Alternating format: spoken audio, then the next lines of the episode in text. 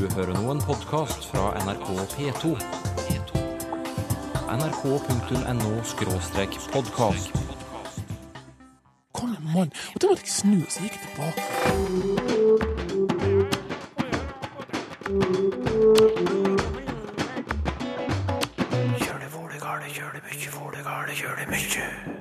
Emballasje eller emballasje? Kan det tenkes at en del ord har skiftet fra tonelag 1 til to. Og da er det òg mulig at en del ord blir tatt av det østnorske tonelag 2-raset, så å si, eh, og får mer gjennomført tonelag 2 i østnorske dialekter. Ny samling med dialektord forteller om nordnorsk kultur og levekår. Klesgjelden, det er dagens tørkestativ.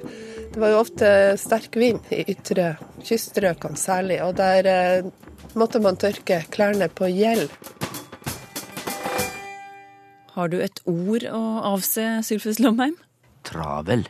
Travel. Nja Og hold deg fast en. Ja vel, jeg holder. Travel har et opphav i et instrument for tortur. Oi, og du vil holde oss på pinebenken en stund før du forklarer? Ja. Er det så nøya? står det i et lytterbrev fra Pål Frank, som observerer at en del ord som før gjerne ble uttalt med tonelag 1, nå ofte får tonelag 2. Et av eksemplene hans er ordet emballasje. Det var tonelag 1, som hos noen blir uttalt sånn emballasje altså tonelag 2. Slike endringer er ikke Pål Frank så veldig begeistret for, og han viser til Bjarne Berulfsens uttaleordbok fra 1969 som en god rettesnor.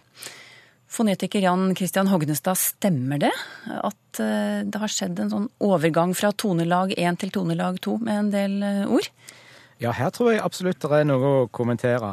Men eh, la oss først eh, bare minne om to ting med disse tonelagene våre. For det første at norsk har denne i europeisk sammenheng merkverdige eh, saken at ett ord kan bli et annet ord bare ved å synge en annen melodi på ordet. Altså, når jeg sier tanken, så er det oppbevaringsstedet for bensin, og sier jeg tanken, så er det det som foregår i hodet. Det er det ene. Og det andre er at fra dialekt til dialekt så varierer disse to melodiene veldig mye. Jeg har de, og du har de, men våre to melodisett er veldig forskjellige. og Derfor er det òg mulig å bruke bare tonelagene nesten for å høre hvor i Norge en person kommer fra.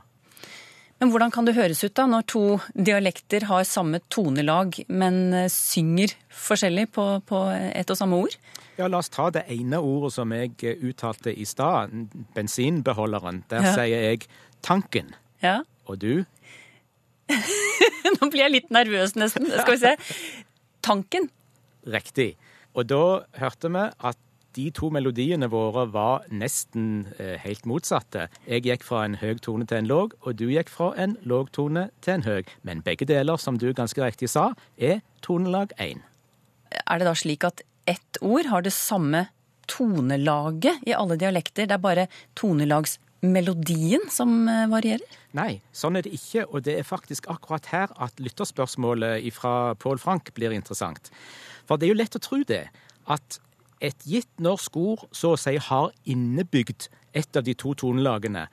Og så kan en ordbok rett og slett bare liste opp at det ordet har det tonelaget, og det ordet har det tonelaget. Men sånn er det ikke. Faktisk så er det mye større variasjon enn folk tror fra dialekt til dialekt, og når det gjelder om et gitt ord har tonelag 1, eller om det har tonelag 2. Og der kan vi gjøre en liten test, for våre to eh, systemer er jo forskjellige. Nå sier jeg noen ord, Ja. og så sier du de samme ordene. Jeg er klar. Ok? Håkon. Håkon. Misforståelse. Misforståelse. Språkprogram. Språkprogram. Og nå hørte sikkert alle at eh, eh, jeg og du hørtes veldig forskjellige ut. Men det vi demonstrerte nå, var noe annet enn da vi sa tanken i stad. Fordi at nå sa jeg ordene med min tonelag 1-melodi, men du sa de jammen med din tonelag 2-melodi. Så her er det eh, altså nok en forskjell mellom min dialekt og din dialekt. Det blir mye å passe på det her. Det men, det. Men du, eh, nå syns jeg vi skal komme litt tilbake til den observasjonen som vår Ja. lytter har gjort, og som du ga ham rett i, nemlig at en del ord som før gjerne ble uttalt med tonelag 1, nå ofte får tonelag 2. Hva skyldes det? Ja, for det første skal jeg nok være litt forsiktige, for jeg har ikke veldig mye forskning å støtte meg på her.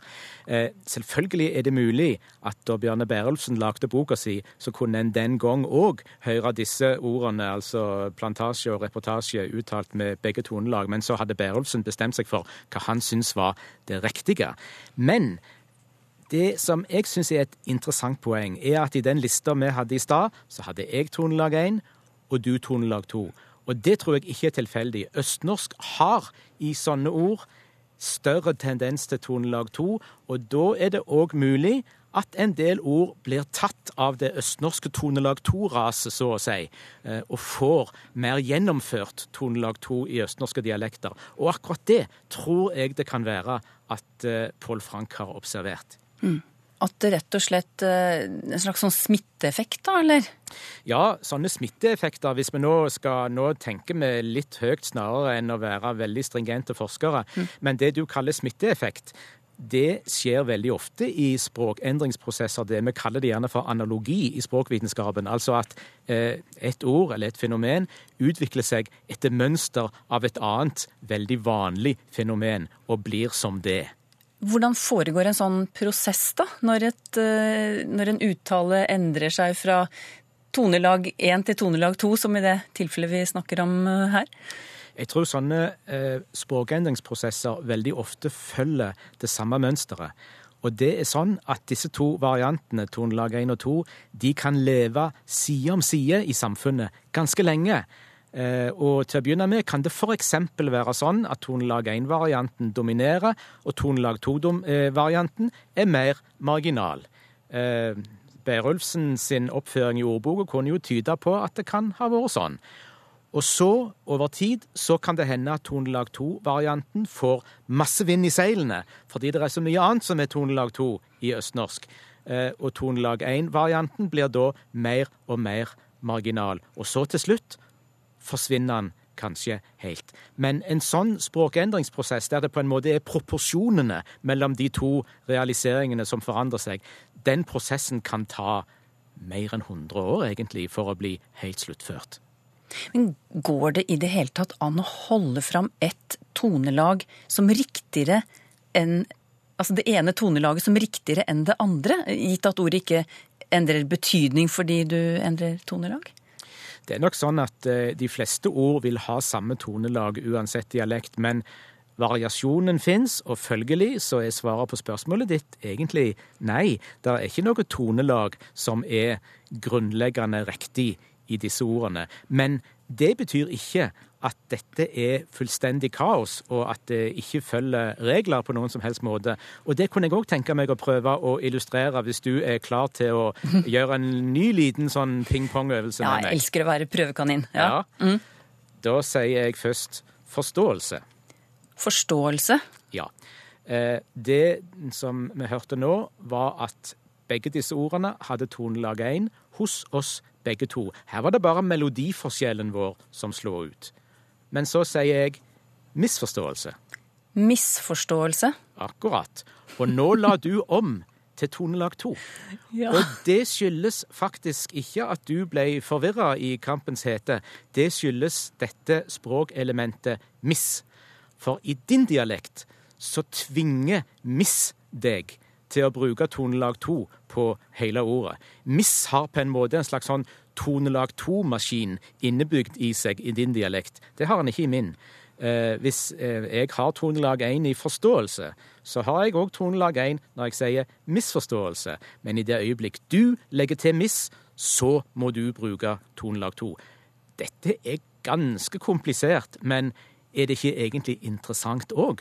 At språksystemet er så innfløkt og følger regler på såpass innvikla måter. Jo, jeg er nødt til å være enig i det. Spesielt likte jeg tanken på en innebygget Tonem 2-maskin.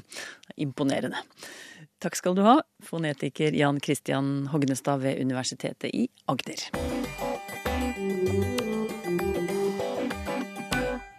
klesgjeld, kopparblomst og koppmoll.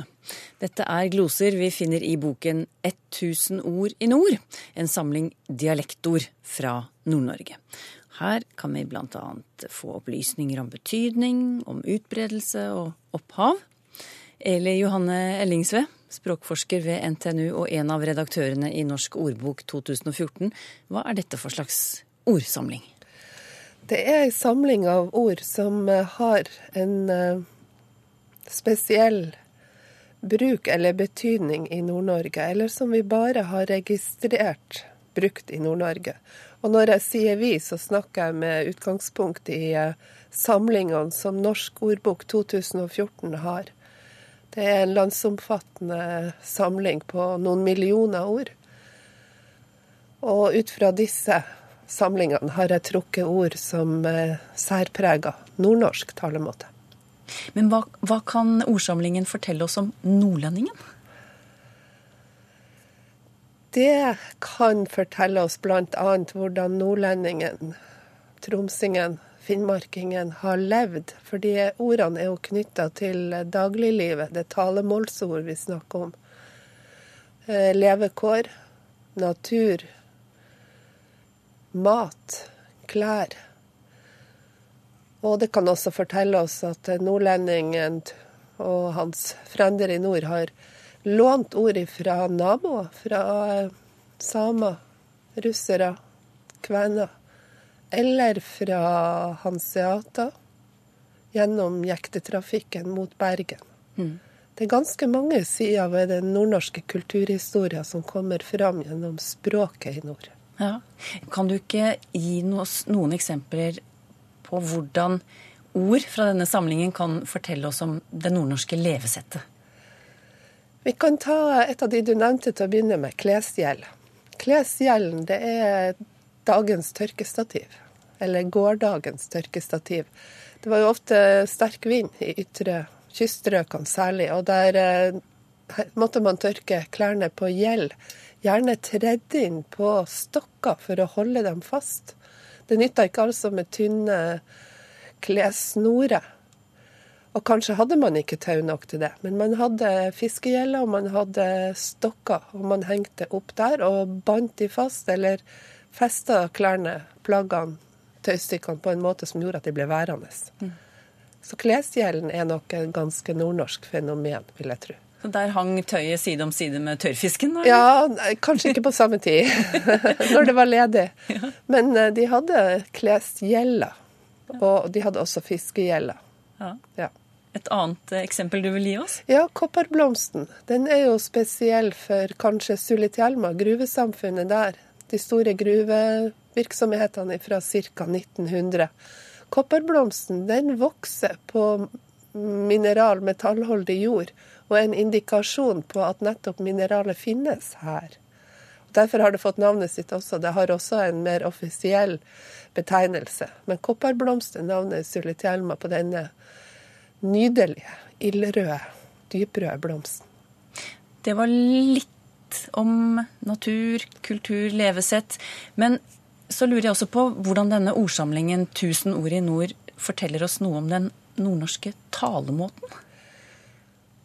Ordbruken er jo et veldig typisk eh, trekk ved talemåten. Mange hører ord og tenker at dette må være et menneske fra den og den kanten av landet. Eh, nordlendingene, tromsingene, finnmarkingene har egne ord som de bruker om sine forhold, og som de bruker på en måte som får folk til å tenke at dette må være et menneske fra nord. I tillegg kommer jo også sånn som tonefall, eh, ordstilling. Men ordforrådet vil jeg si er en viktig del av talemåten. Har du noen eksempler på det? Ja, hvis vi skal eh, ta f.eks. et ord som eh, kaneklining. Kaneklining? Kaneklining, ja. Når eh, Lofotfolket kom hjem, så var det mange som gikk og speida og venta, og håpte å få alle sine hjem. Den som først fikk øye på Lofotbåten på vei hjem til Støa, den hadde fått retten til kanakliningen. Og det var et lefsestykke, en godbit. Kane antar vi er lånt ifra navnet på stevn, høye stammen på eh, jekten eller på fiskebåtene, da, nordlandsbåtene.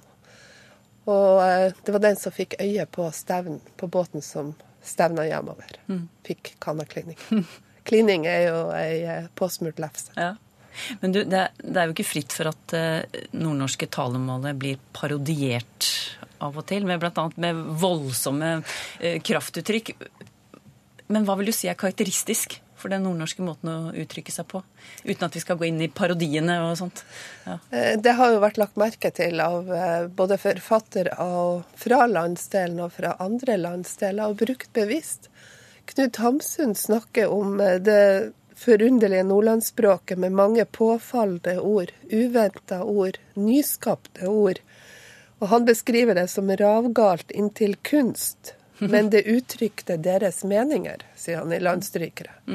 Og mange vil nok tenke også på bøkene til Arthur Arntzen, særlig de om eh, Emma og Oluf, Ja. der han eh, videreutvikler denne nordlendingens evne til å skape nye ord eller nye sammenhenger, som blir litt oppsiktsvekkende, uvanlig, for folk til å høre etter og huske.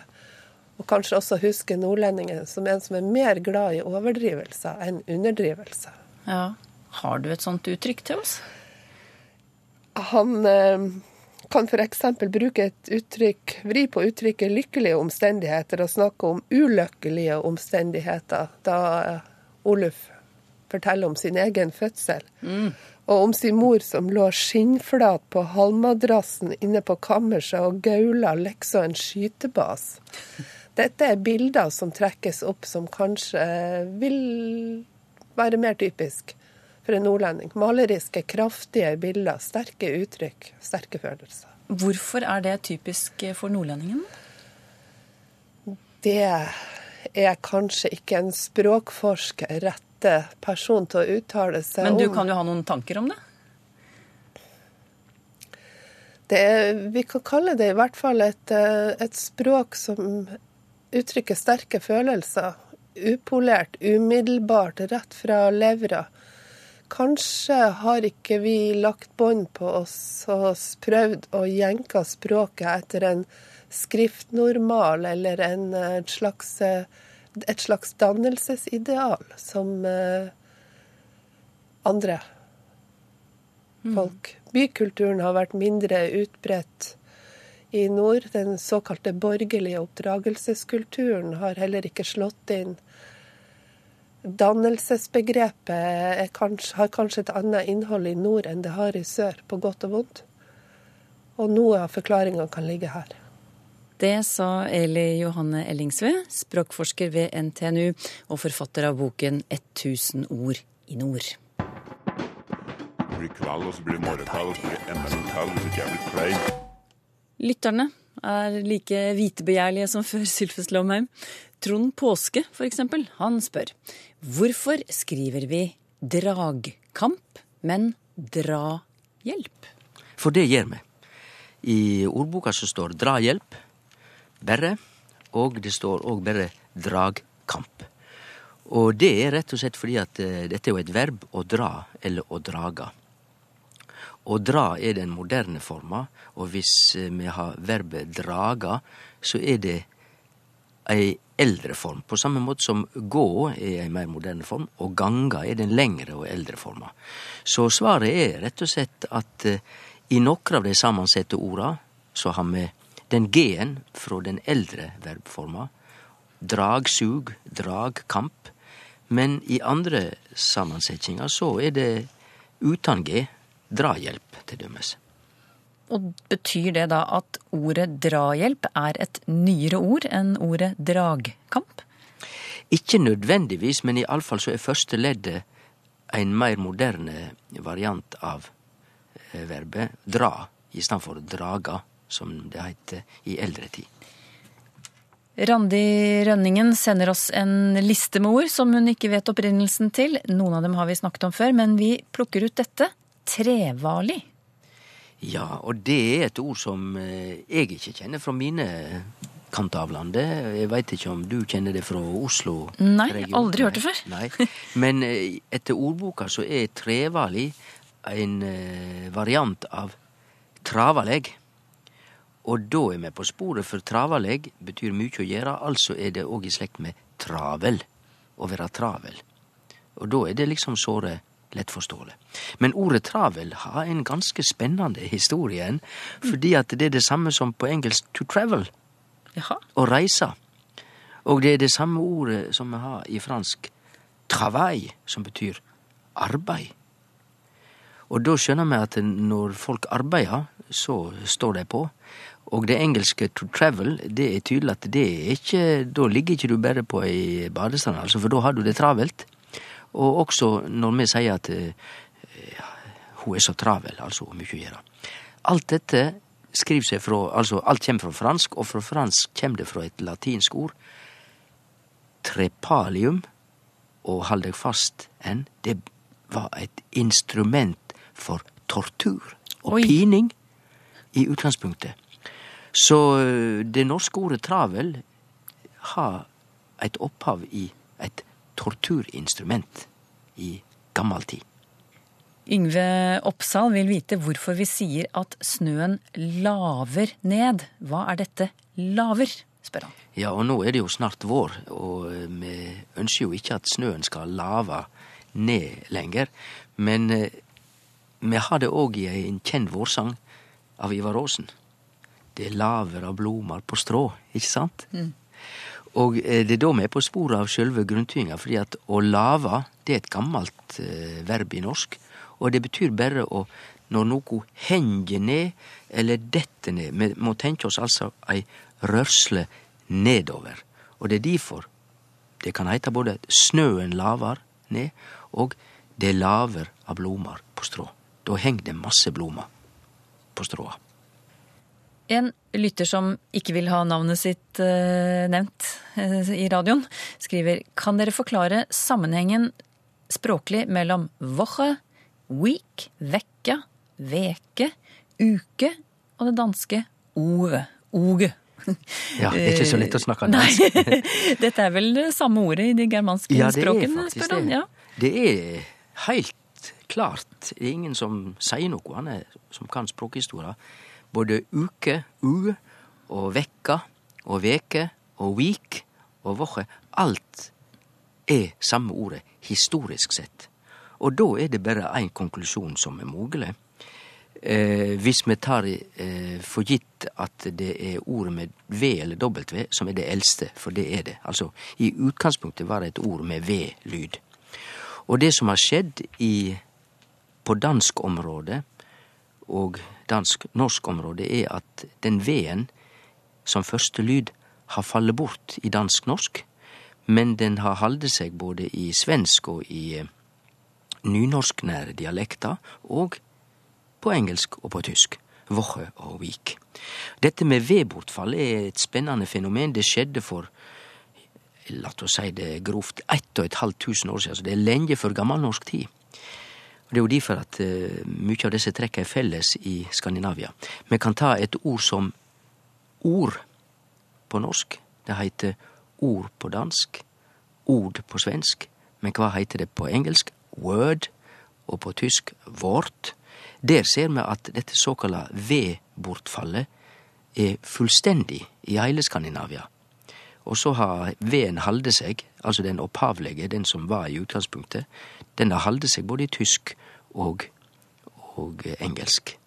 Og vi hadde i ordet ulv, som heter også det på dansk, og på tysk er det wolf, og på engelsk wolf. Igjen samme mønster. V-en har fallet bort i eh, skandinavisk, altså i dansk og norsk. Så dette er det språkfolka kaller det skandinaviske V-bortfallet i gamle germanske ord. Eivind Reiersen har lagt merke til at enkelte programledere på fjernsynet bruker uttrykket ta ham vel imot, eller ta henne vel imot, når de skal introdusere noen. Og det han reagerer på, er ordstillingen her. Eh, Er dette egentlig en norsk ordstilling, Sylfes Lomheim? Nei, dette er svensk påvirkna, og jeg er enig med Eivind Reiersen at dette er en ordstilling som eh, ikke egentlig har bakgrunn i norsk språk, men han har blitt veldig vanlig. Jeg er ikke det, Alle lytterne hører at jeg er ikke så veldig begeistra for det. Å påvirke er et verb, men kan vi si at noen er en påvirker? Aud Rønning har diskutert dette på jobben, og viser til formuleringen å jobbe med sine utviklingsbehov som påvirker og relasjonsbygger. Og nå er kanskje dette ikke veldig lette, familiære ord, men det er ingenting gale med disse ordene, så svaret er ja, Aud Rønning. Påvirker og relasjonsbygger kan brukes på bokmål. Hva er forskjellen på moral og etikk, spør Aslak Thorsen. Ja, det er ikke noe enkelt spørsmål å svare på. Iallfall vil de som er fagfilosofer, begynne å lytte nøye på Lomheim hvis han begynner å forklare i Språkteigen forskjellen på moral og etikk, for det er to sentrale fagord i filosofien vi da har framfor oss. Og fagfilosofene har sine definisjoner på dette som fagord. Men jeg bør egentlig bare prøve å forklare hvordan disse ordene blir brukte i det vanlige språklige omgjenget vårt, altså i hverdagsspråket.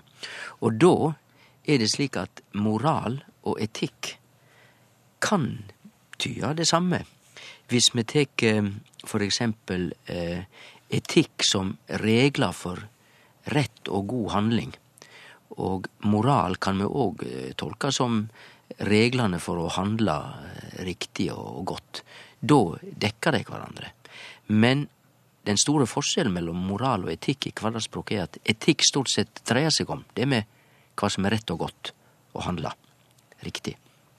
Medan moral som hverdagsord har det som ei av tydingane, men de har også andre tydingar. For eksempel eh, lærdom. Hva slags moral kan du trekke av dette her? Da er det jo lærdom. Og vi kan òg bruke moral som eh, et ord for eh, Ja, han, han har god moral nå. Han har god kampånd, altså. Eh, så vi hører at moral har en to-tre meninger, medan etikk stort sett dreier seg om det som bare er rett og gale. Har du spørsmål til Språkteigen?